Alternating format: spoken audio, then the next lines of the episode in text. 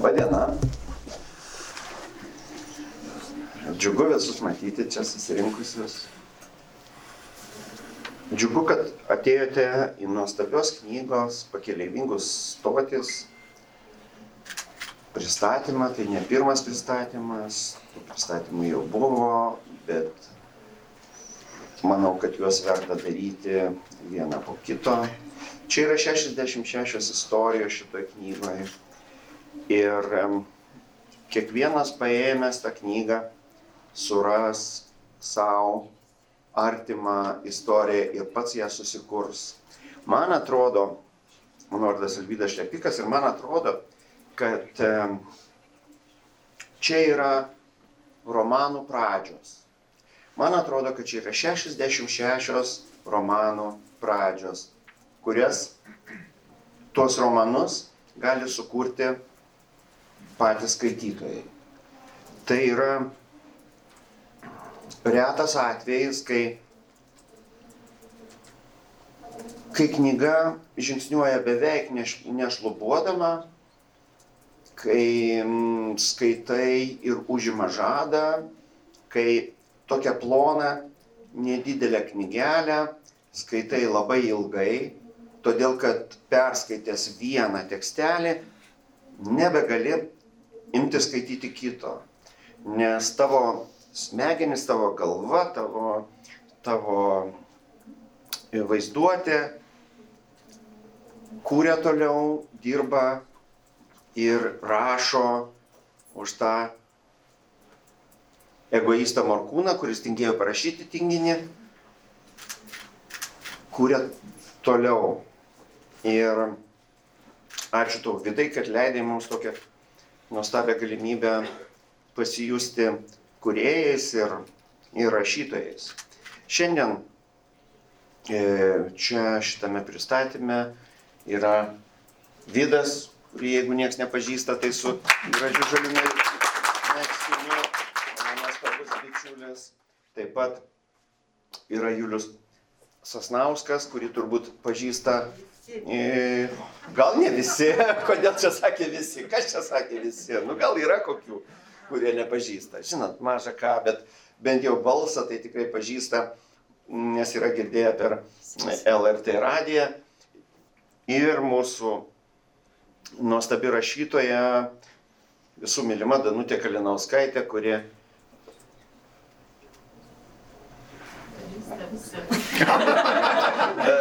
norėjau pasakyti, kaip čia ją pristatyti. Pažįsta ją visi, bet, bet tik tai norėtume, kad, norėtume, kad jinai mums parašytų kuo daugiau knygų, kuo daugiau knygų, kurie, kurie kol kas mums, nu taip skūpė, taip, tai tų, tų knygų. Paskui galėt, atsiprašau, įsiterpiu, galėtumėm vėl toj pačioj kompanijai pristatyti jas. Taip. Danutės naujas. Danutės. Gal tai dirbus, ką žinai. Kągi, tai Va, pristačiau visus, o dabar pabandykim, pabandykim kalbėti, e, pradėti kalbėti. Ir gal nuo, nuo jūsų, Danutė, pradėkim. Nuo mūsų. Taip, nuo jūsų. Gerai. Aš kas kartą įdama į knygų mūgę vis pasižiūriu rekomendacijas, ką rekomenduoja um, pamatyti organizatoriai, kokiu renginiu reikia būtinai nepraleisti. Uh, kokios knygos yra labai svarbios. Ir aš labai įdėmiai žiūrėjau dėl vido. Va, ateina Gedrė Kazlauskaitė iš žvaigždės renginio į kitos žvaigždės. Labai įdėmiai žiūrėjau, ar vidas kur nors e, figuruoja. Nemačiau jo pakeleivingų stočių tarp rekomenduotinų knygų, kurias, kurias skaitytojai turi būtinai perskaityti, nemačiau jo ir šito renginio, kad jis irgi, irgi, irgi verta būtų čia apsilankyti. Ir šortuose pasiklausiau, vedantysis tavęs paklausė, e, su tavim kalbėjo ir sakė, kad aš irgi būčiau neužkliuvęs už tos knygos, bet Nijolė Daujotytė primiktinai siūlė perskaityti ir tada jisai jau tą knygą atrado tai man atrodo kad tokios knygos kaip vido tiesiog toks rašymas labai kruopštus toks išnešiotas be be ažiotažų be skandalų jisai labai sunkiai skinasi kelią Ir jeigu kalbėtume žirgų lenktynių kokiais terminais, tai ant tokių knygų niekas nestato. Arba tas, kas stato, statymus tos daro, tai e, prisima ir visą, ir visą riziką, kad e, ta knyga galbūt gali būti visai neperkama ir, ir, ir be jokios komercinės sėkmės. Tai man atrodo, kad Odilės leidyklas statė ir išlošė, o tos leidyklos, kurios taip primiktinai atmetinėjo, ir užtrenkdavo duris, jos pralošė, kaip šiandien paaiškėjo. Ir šiaip važiuodama čia į mūgę, troleibuse pasižiūrėjau, kad, kad jinai gerai perkame šitą knygą pakeleivingų stotys. Troleibusuose rodo jau informaciją. Aš turėjau prie, prie, prie moniukė, kai pasižiūrėjau. Visas troleibusas skaitė ją. Ką norėčiau pasakyti apie tą knygą? Mums taip, nu, per visus galus, kasdien perša visokį glamūrą, blizgius viršelius ir, ir tas tokias sėkmės istorijas, sėkmingo žmogaus istorijas, kurios, iš, kok, iš, kur, iš kurių kyla žmogau, žmogaus laimingumas. Tai yra žmo, žurnalo žmonės pasaulio istorijos, inkrustuotos fotografijomis į kurias žiūri žmonės, ne, žmonė, ne tie žmonės ir varvina seilę. Ir vat, tas žmonių pasaulis ir vido prozos pasaulis man yra kaip tokie tolimi kaip šiaurės ir pietų ašigaliai. Jo personažai irgi yra su istorijomis ir net labai su istorijomis, bet, bet tai yra nesėkmės istorijos. Čia tokie veikia visokie gyvenimo nu, atsilupėliai, visokie nabagai, koks nors tigranas, pas kurį pas kurį ten pakliūti yra sudėtinga, ten pro išvietę turi praeiti ir ten visokie personažai renkasi. Recidivistas Alfukas, kuris važiuoja su pasakotoju automobiliu į savo buvusius namus ir automobilį ima tvyroti toks keistas kvapas, ne besdalo, ne pigios degtinės, o toks e, tamsesnis, sunkesnis kvapas. Ir va iš to tamsaus, sunkaus kvapo, iš tų žmonių likimų Vidas mesga savo prozos, e, savo prozos pasaulį. Aš rašytojų sąjungoje, kai pristatinėjom tą knygą, sakiau savo tą įspūdį ir dabar pasikartosiu, kai skaitai tą knygą, tai atrodo, kad tu esi šiapus knygos ir kad tavo gyvenimas ir tavo pasaulis niekaip nesusijęs su tuo, kas ten yra vaizduojama. Čia panašiai kaip pat žiūri siaubo filmą savo namuose ir apsičiupinėjai, kokia laimė, kad tu sėdi kad tu sėdi ant savo minkštos sofos ir kad tu esi ne ten. Ir Vidas, uh, užmiršau, ką noriu pasakyti. Bet gyvenime atsitikti gali kokia nors tokia įvykti atsitiktinė smulkmena, visiškai koks nors niekniekis ir tu gali atsidurti anapus ekrano, tai yra tu gali atsidurti tam jo prozos pasaulyje. Pagaliau mums labai baisu prisipažinti, kad tas tamsumas, toks kraupumas ir absurdas ir tas mirtis, kuri nuolat kvepuoja ten į pakaušį, beje, apie mirtį kalbama labai paprastais žodžiais, kad jis yra ir tavyje pačiame, nors tau atrodo, kad tu griebtas iš visai kito molio ir kad tu ir kad tu čia, čia, čia ne, ne apie tave ir ne tau. Aš atsimenu neseniai čia prieš keletą dienų, gal prieš savaitę, Laimanto Jonušio paskiroj Facebook'e buvo tokia užsukta diskusija apie grožinio kūrinio vertę. Kas tai yra gro, geras grožinis kūrinys. Ir Laimantas ten labai, labai gynė savo poziciją nuosekliai ir aršiai, kad kad tai yra, kad rašytojas, geras rašytojas, talentingas, jis turi pakilti virš temos. Kad tema pati svarbiausia nėra, e, ta tema nėra svarbiausia, net jeigu jinai yra išskirtinė. E, rašytojas turi pakilti virš temos ir jis turi sukurti tą pasakojimo stebuklą. Tai yra svarbiausia yra jo raiška. Kai aš skaitau vido pakeleivingų stotis, man visada labai svarbu ir kas čia yra, ir kaip. Ir todėl, kad e, tai yra tokios temos, tą, ką jisai čia kabina, tai rašytojai spendžia labai daug, gali paspęsti tokių spastų, į kuriuos jisai pakliūtų. Tai yra, sakysim, emocinio šantažo būdų spausti skaitytojų ašarą, e, priversti jį gailėtis, kaip nors virkauti, E, surušiuoti vertybės, pasakyti, kas yra juoda, kas yra balta ir dar kokį uždėti, nežinau, moralo karūną, kokį nors koronavirusą dar ant galvos. bet jisai labai moka laiku sustoti, palikti daug erdvės skaitytojui.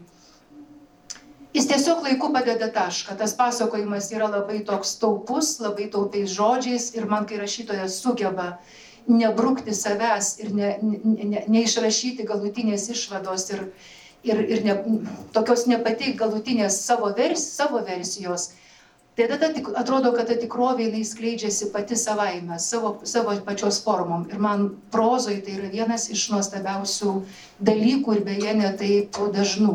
Mes labai mėgstam viską paaiškinti iki galo, kad durniai skaitytojai jau tikrai suprastų dalyvavau tokioj čia e, diskusijoje apie žodynus, kur buvo irgi knygų mūgiai, kur buvo kalbama apie žodžius, kiek, kiek maždaug rašytojai vartoja žodžių, koks jų arsenalas, bagažas tų žodžių.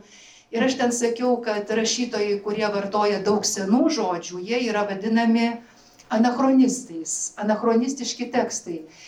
Ir kad Morkūnas taip pat yra buvęs taip pavadintas vieno labai garbaus asmens, kad jis rašo anachronistiškus tekstus, nes pilna visokių tokių senienų, čia tokių žodžių, kaip pavyzdžiui, rūkšlos, kabarkštai, gelsganas, bridojo, galėčiau čia vardinti ir vardinti net vėlybosios, ne vėlybosios, o vėlybosios.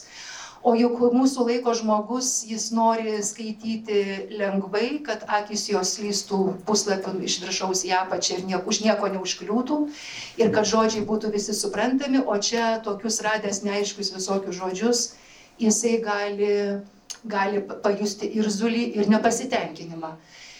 Bet va prašau, tok, knyga su tokia kalba, blozna knyga ir su tikrai nėra jokio glamūro čia nei, nei vidui, nei išorės. Nei išorė jinai tapo kūrybiškiausia metų knyga ir visi pašvilpkit. Ir pagal visus šitie kriterijus, kuriuos išvardinau, Vida Morkūną galima būtų tituluoti šių metų prozos imperatorių.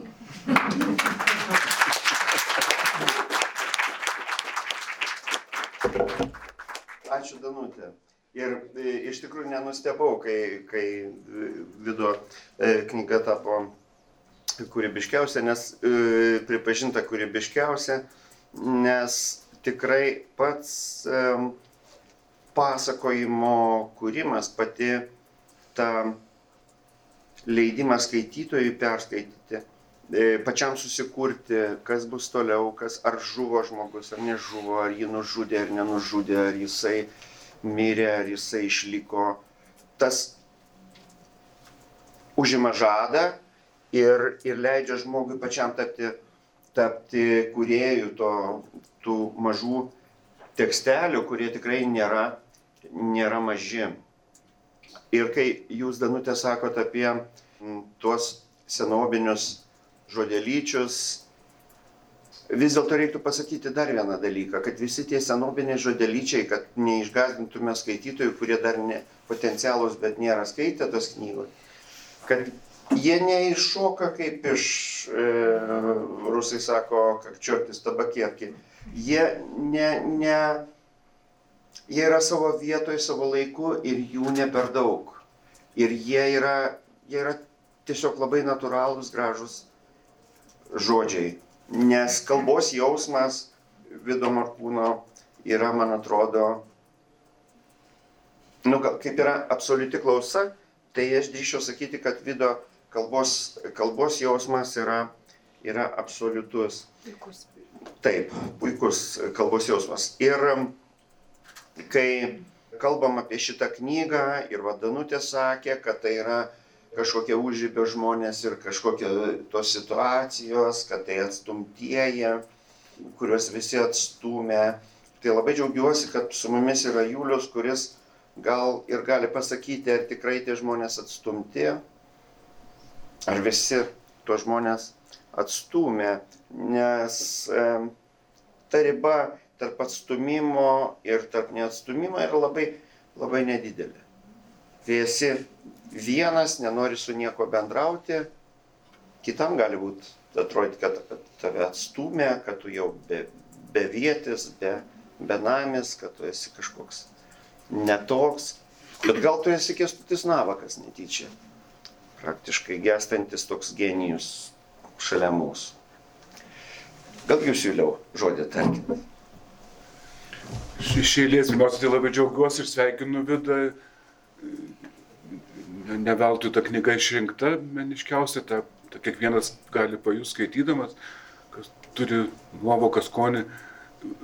Aš čia, kai jau tą iš kelių kartų į tą visą minę galvoju, tą klegančią ir reikės kalbėti apie tokią knygą, kuri visiškai nepanašyta, kas čia vyksta.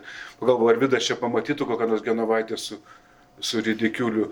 Man ta žodis, pažiūrėjau, ridikiulis, tai nėra kas, kas tokio dirbtino, nes kai aš pasakau ridikiulis, man yra daugybė prisiminimų, blokas asmenų, situacijų kartu eina. Aš manau, kad ir Vidas tuos žodžius retus ne iš žodino nusirašė kur nors, bet jie irgi su, kažkokį turi didžiulį krūvį ir, ir, ir jam pačiam, ir žinoma, skaitytojams.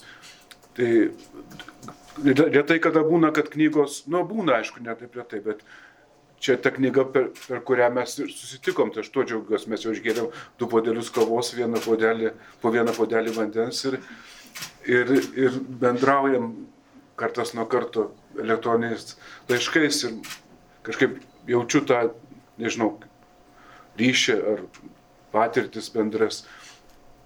Ten daug, nežinau kaip dabar, ten nėra kunigų vertinta, aš tik kaip skaitytojas gal,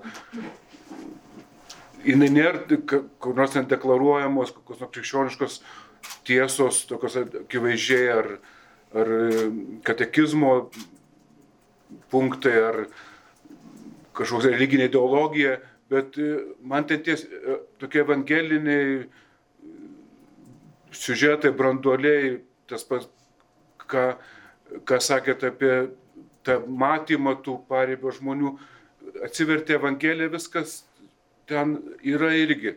Ir dėl to ją galima skaityti įvairiai. Evangeliją galima paimti arba Naują Testamentą vienu įpū perskaityti ir pažiūrėti, kaip tas veikia. Paskui galima sugrįžti prie skirų ar, ar mažais, mažom dozim. Man irgi aš ją per, perskaičiau labai greit ir neužkliuvau, paskui norisi vėl grįžti prie, prie tų, žiūrėti, kas, kaip kaip tie tekstai pavieniui veikia, ką jie atlieka. Tai tas malonės visa galybė ir ji nedeklaruota taip, kaip mes per pamokslus tą, tą deklaruojam, kalbam garsiai, sudėliojam visus taškus, paaiškinam, nurodom pavyzdžius dar labai akivaizdžius, bet čia tas yra nuo pat pirmo to teksto iki paskutinio. Ir arba mirtis, kuri tampa taip ne, nepabrėžtinai, bet tampa tam tikrų prašvies, šviesa, atsiveriančia pergalė, netgi sėkme, nors visa kita gali būti šimtaprocentinė nesėkmė. Evangelija labai didžiulis paradoksas, geroji naujiena, bet yra nesėkmės knyga ir net tos, tos gražios kalėdinės istorijos dviejose evangelijose labai greit pasibaigia ir prasideda nesėkmės ir baigėsi absoliučia nesėkme nukryžiavimu, kuris nieko, rodos, Morkos evangelijoje nieko nepakeičia. Ta autentiška pabaiga Morkos evangelijos yra apie moteris įsigandusios, jos niekam nieko nesakė, taškas. Įsigandusios jos niekam nieko nesakė. Paskui yra atsiradęs priedas jau vėlesnis, kuris šiek tiek tarsi tą paaiškina ir, ir pasako kažką. Tai tas yra labai brangu ir, ir man tik tai keista, kur, iš kur vidas tiek galėjo pamatyti to visko. Ir čia nėragi sukurta, vis tiek tie dalykai kažkokiu būdu praėjo pro, pro akis, pro jo gyvenimą. Ir, pažiūrėjau, tų mirčių gausybė čia tik tai galėtų arba daktaras, arba kunigas tiek mirčių gyvenime, na, matyti ir galvoti apie jas, nešiotis jas. Bet jis tą, tą turi ir turi tą gerąją naujieną. Tikrai čia ne, nebaisu tą nuvalkiotą žodį žodžių junginį pa, panaudoti, nes jis, jis, jis mato ir, ir kartais tas pasakyta, kartais nepasakyta, bet ta paslaptinga apverstos kažkokios tikrovės, kitokios tikrovės su mumis esančios pergalė, triumfas, ten yra, galim sakyti, amžinybė, ar kaip tu nori čia tos žodžius, kiekvienas susiras, kaip tą, kaip tą paaiškinti. Ir dar kas jį sieja su evangeliniu pasakojimu, tai galėtume prisiminti palyginimus evangelinius, kur viskas irgi apversta aukštin, aukštin kojom. Ir, na, kad ir toks pirmasis sėties į galvą 99 avys, kurias palieka ir nueina paskui vieną. Bet čia ne, ne tik tas, kad ką su ta viena paskui daro, ar, jas, ar ją priskiria prie tų 99 ar vedžiojasi kartu su savim, mes taip ir nesužinom. Ir to atsakymo nėra. Ir sunaus palaidūno istorijoje niekur nėra jokio atsakymo. Tu gali tęs, gali netęs, gali pasilik su to klaustuku, su ta nežinomybė, bet matai, kad viskas truputį kitaip negu, negu atrodo. Tai man tos knygos turbūt brangiausias toks būras, ne, nekalbant apie pačią kalbą ir tekstų, tekstų tą grožį skambėjimą.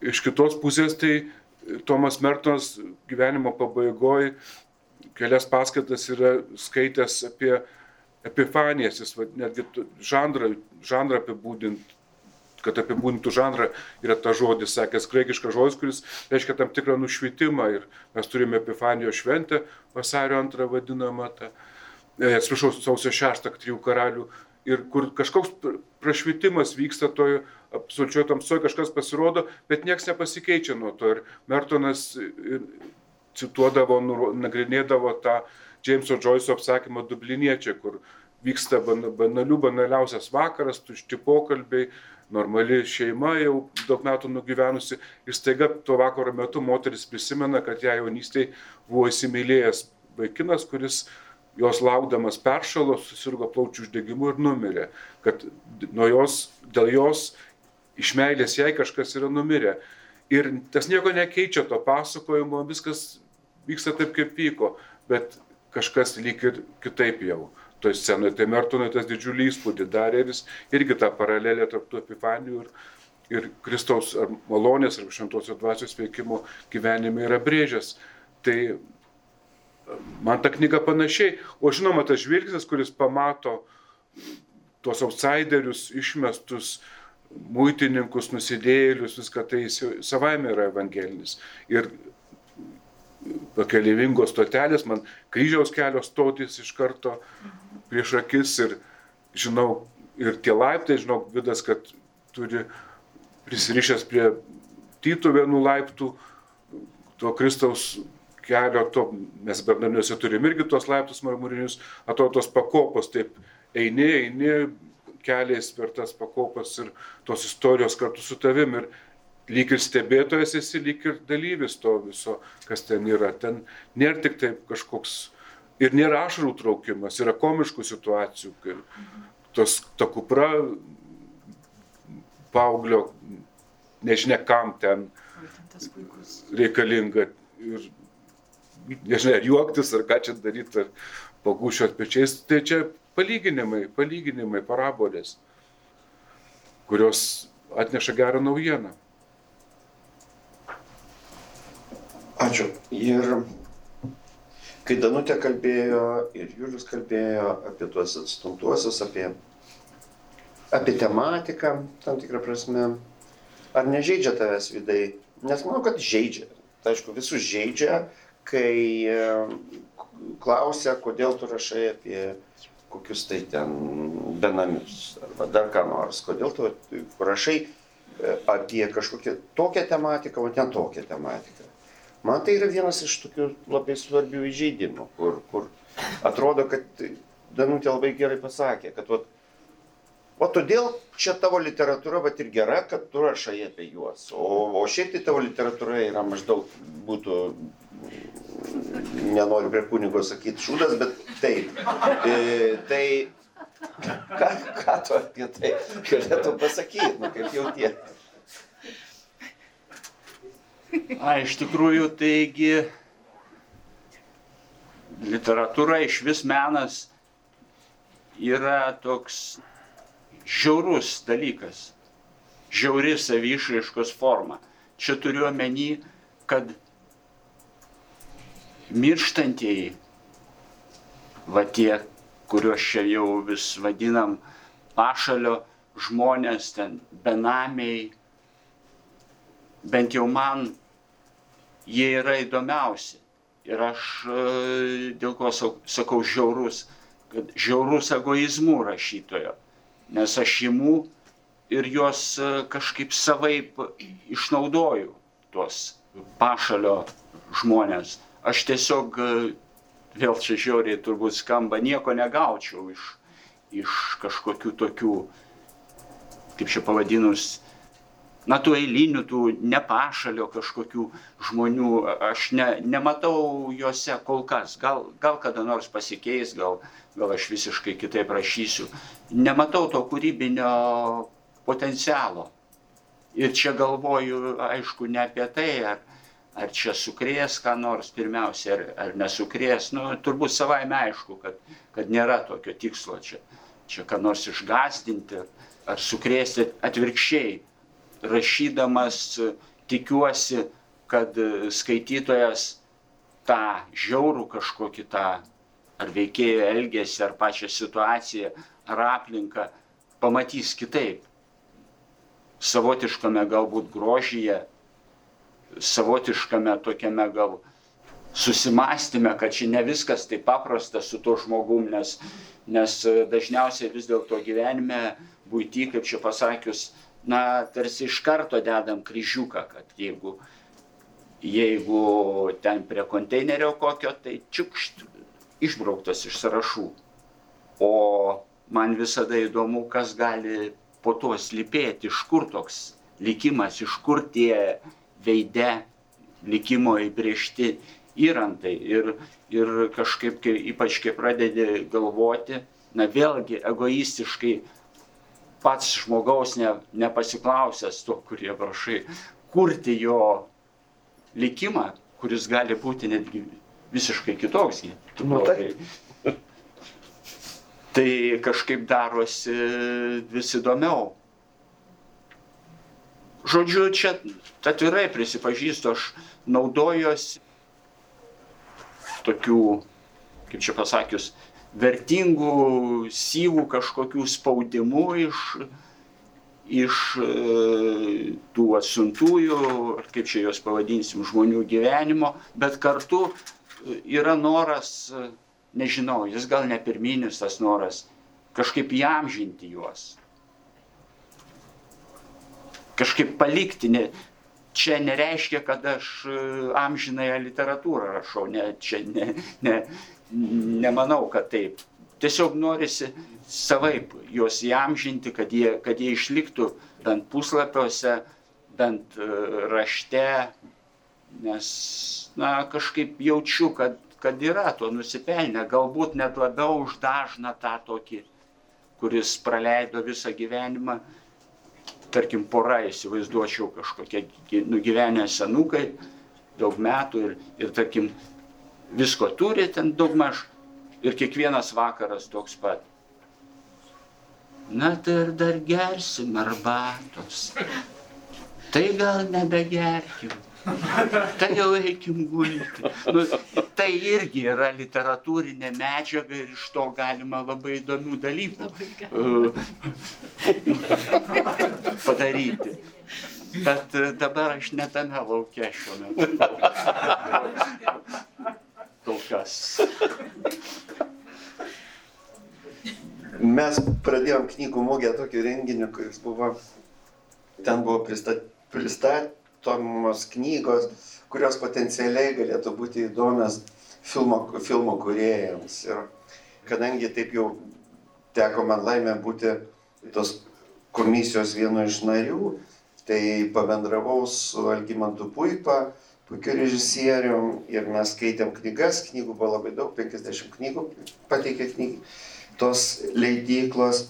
Ir apie video knygą, puikiai pasako, tai yra nepaprastai kinematografiški dalykai ir tai yra pavyzdys studentams, sako, aš dirbu su, dirbu su studentais, režisieriais ir čia kiekvieną gali imti tą ir daryti. Mums taip reikia tų tokių eskizų, tokių galingų, kur yra galingi charakteriai, galingos aplinkybės, viskas, kur viskas yra parašta ir tai yra pavyzdys, kaip, kaip žmonės galėtų vat, patys nevargdami pamatyti, kaip tai potencialiai tai galėtų virsti trumpais filmais.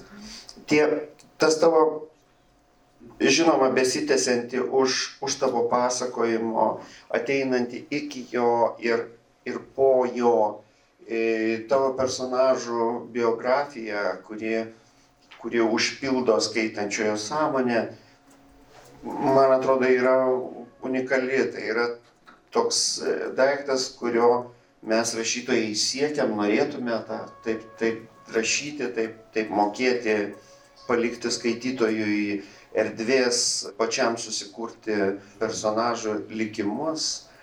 Bet šalia viso to dar yra tas vizualumas. Ar tu to vizualumo pats sieki, ar tai yra kažkaip, ar tiesiog taip automatiškai atsiranda iš tavo, iš tavo sąmonės, iš tavo, nežinau, žiūrėjimo į pasaulį, ar iš lenkiškos literatūros, kurią verti, vėl nežinai iš kur.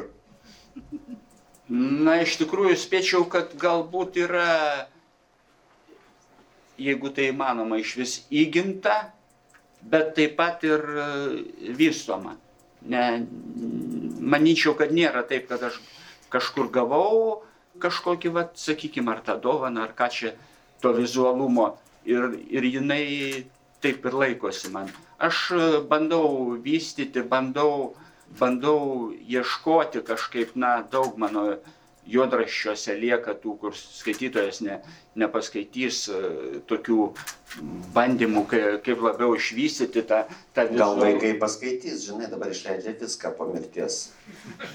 gal, gal. Bet e, visada stengiuosi, kad būtų krūvis tame vaizde. Ne tiesiog parodyti kaip paveikslą, o kad būtų dar kažkoks, na, giluminis, kiek čia man duota ne, parodyti, nežinau. Man, kaip man atrodo, aš ir minėjau ir per tą kinas plus knyga pristatymą, kad man nereikia kompensacijų, kad štai negaliu nutapyti paveikslo, tai bent užrašau, kaip jis turėtų atrodyti. Man tai nėra priimtina. Arba jeigu ten negaliu filmo padaryti, tai, tai perkeliu, kad va, gal, ir paskui skaitau ir įsivaizduoju, va, koks galėtų būti filmas, bet aš ne, ne režisierius, tai bent, e, bent e, knygos rankraščio puslapį užrašiau. Ir iš tikrųjų jaučiu kažkaip intuityviai, o intui, intuicija man e, yra labai svarbi kūrybos procese kad aš galiu kažką per, per tą vaizdą išgauti. Pats, pats e, dirbdamas jaučiu, e, kaip limpa kažkaip vaizdas prie vaizdo, nes intuicija parodo dažnai, kad ne, čia tas ne, netinka, nelimpa, čia nesueina kažkokie galai. O gana dažnai būna, kad tą vaizdą lipdai, plėtoji ir jauti, kad, kad e, jis perspektyvus, su juo galima eiti kažkur dar toliau. Paskui tas vaizdas pagimdo kitą ir, ir nu, taip ir tęsiasi tas procesas. Nenorėjau šito vidai klausti, bet dabar, kadangi pasakoji apie, apie savo jau kūrybos tokį, kaip, kaip tu rašai, kaip, kaip vaizdėlį, tai toliau, tai noriu tikrai paklausti, nes kaip ar lengvai atsisėti rašyti Nes kažkada aputis taip nudžiugo, kai mes su kunčium pasakėm, kaip mes sunkiai atsisėdam rašyti, sako, ir aš, ir aš. Kai, jau kai reikia rašyti, tai tada lipu ant stogo ir valau kaminą. Nes, sako, kad tik nereiktų rašyti. Ir aš, ir aš. Iš tikrųjų ir aš.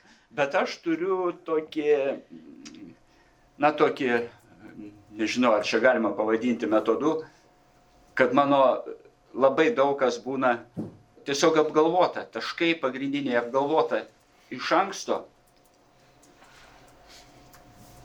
Ir kai aš jau pri, apgalvojęs ir pripampęs, kad jau, jau ant ribos, kad... Jau kai už... tiesiog laša iš tavęs. Varma.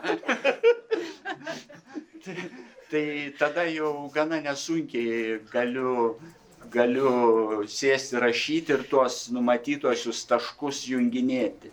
O taip, kad nežinodamas ką, tai iš viso niekada ne, nesėdžiu. Aš pažįstu tokį vieną rašytoją, žinai, Danielius e, Mušinskas. Jisai sakė, o tai kaip tai tu sėdi ir žinai, ką rašysi? Aš tai niekada nežinau.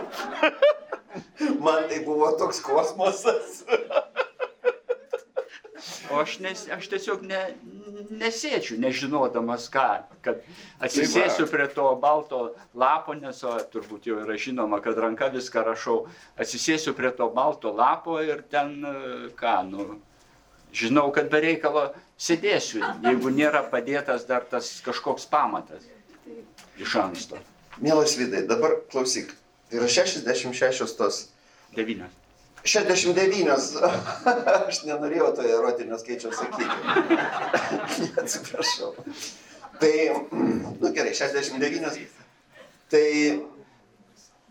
mielasis, vis viena, juk turi kažkokį tai savo svarbų tekstą, kuris yra tikrai svarbus. Ir kadangi tekstai yra trumpi, ar nepaprašytume tavęs paskaityti, ar tu ne, nesutiktum to padaryti?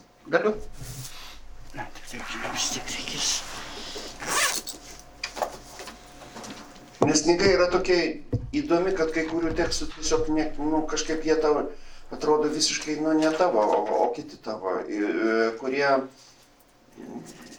atrodo maža knyga, bet, bet yra tikras didelis nuotykis. Labai, labai įdomus skaitimo, skaitimo nuotykis. dar pasakyk keli Nuotykis. Kol, aš čia Gerai. Vidas prašo pasakyti kelis žodžius, aš galiu dar kelis žodžius pasakyti, iš tikrųjų, nes, nes yra, ką, yra, ką pas, yra ką pasakyti.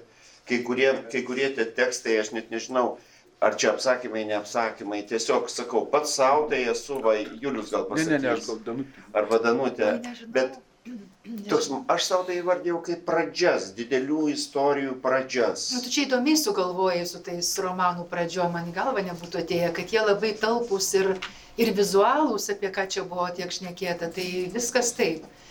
Nežinau, jie tokie, nu, ta labai įdom, įdomus pats konceptas tų, e, tų beda, ten visokių tų rudeninių ir ten visokių vėlybųjų, dekto molio. Bet šitų tai aš nelabai atsimenu, man, man jie pradėjo pintis galvoje. Ir aš, ir aš klausiausi šortuose, kaip Vidas aiškino, kaip jisai klasi- klasifikuoja tos žmonės. Tiesiog renkiesi ne, ne kažkokius tikrinius vardus, nes tada prapultum, bet tu juos kažkaip kate- kategorizuoji. Toks vat, vat šitas dalykas man įdomus, čia jau labiau negu mano, ne labiau ne, ne komentaras, o klausimas būtų.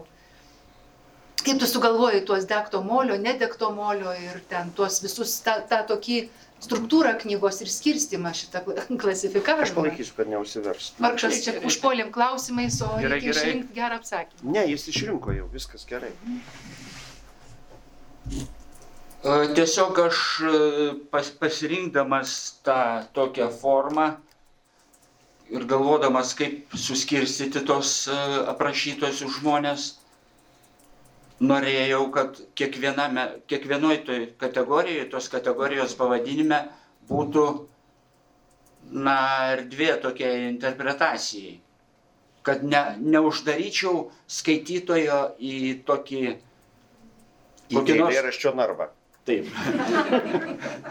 Kad neuždaryčiau į, į tą tokį, šiuo atveju pavadinimo to narvą, kad ne, to pavadinimo niekaip paskui negalėtų interpretuoti kitaip skaitytojas. Ten, nu, jeigu, sakykime, pagal plaukų spalvą arba ten plikumą kokį e, pavadinčiau, tai skaitytojas nu, ir, ir matytų tik tai plikį, nu, daug, daugiau ne, nebūtų interpretacijų.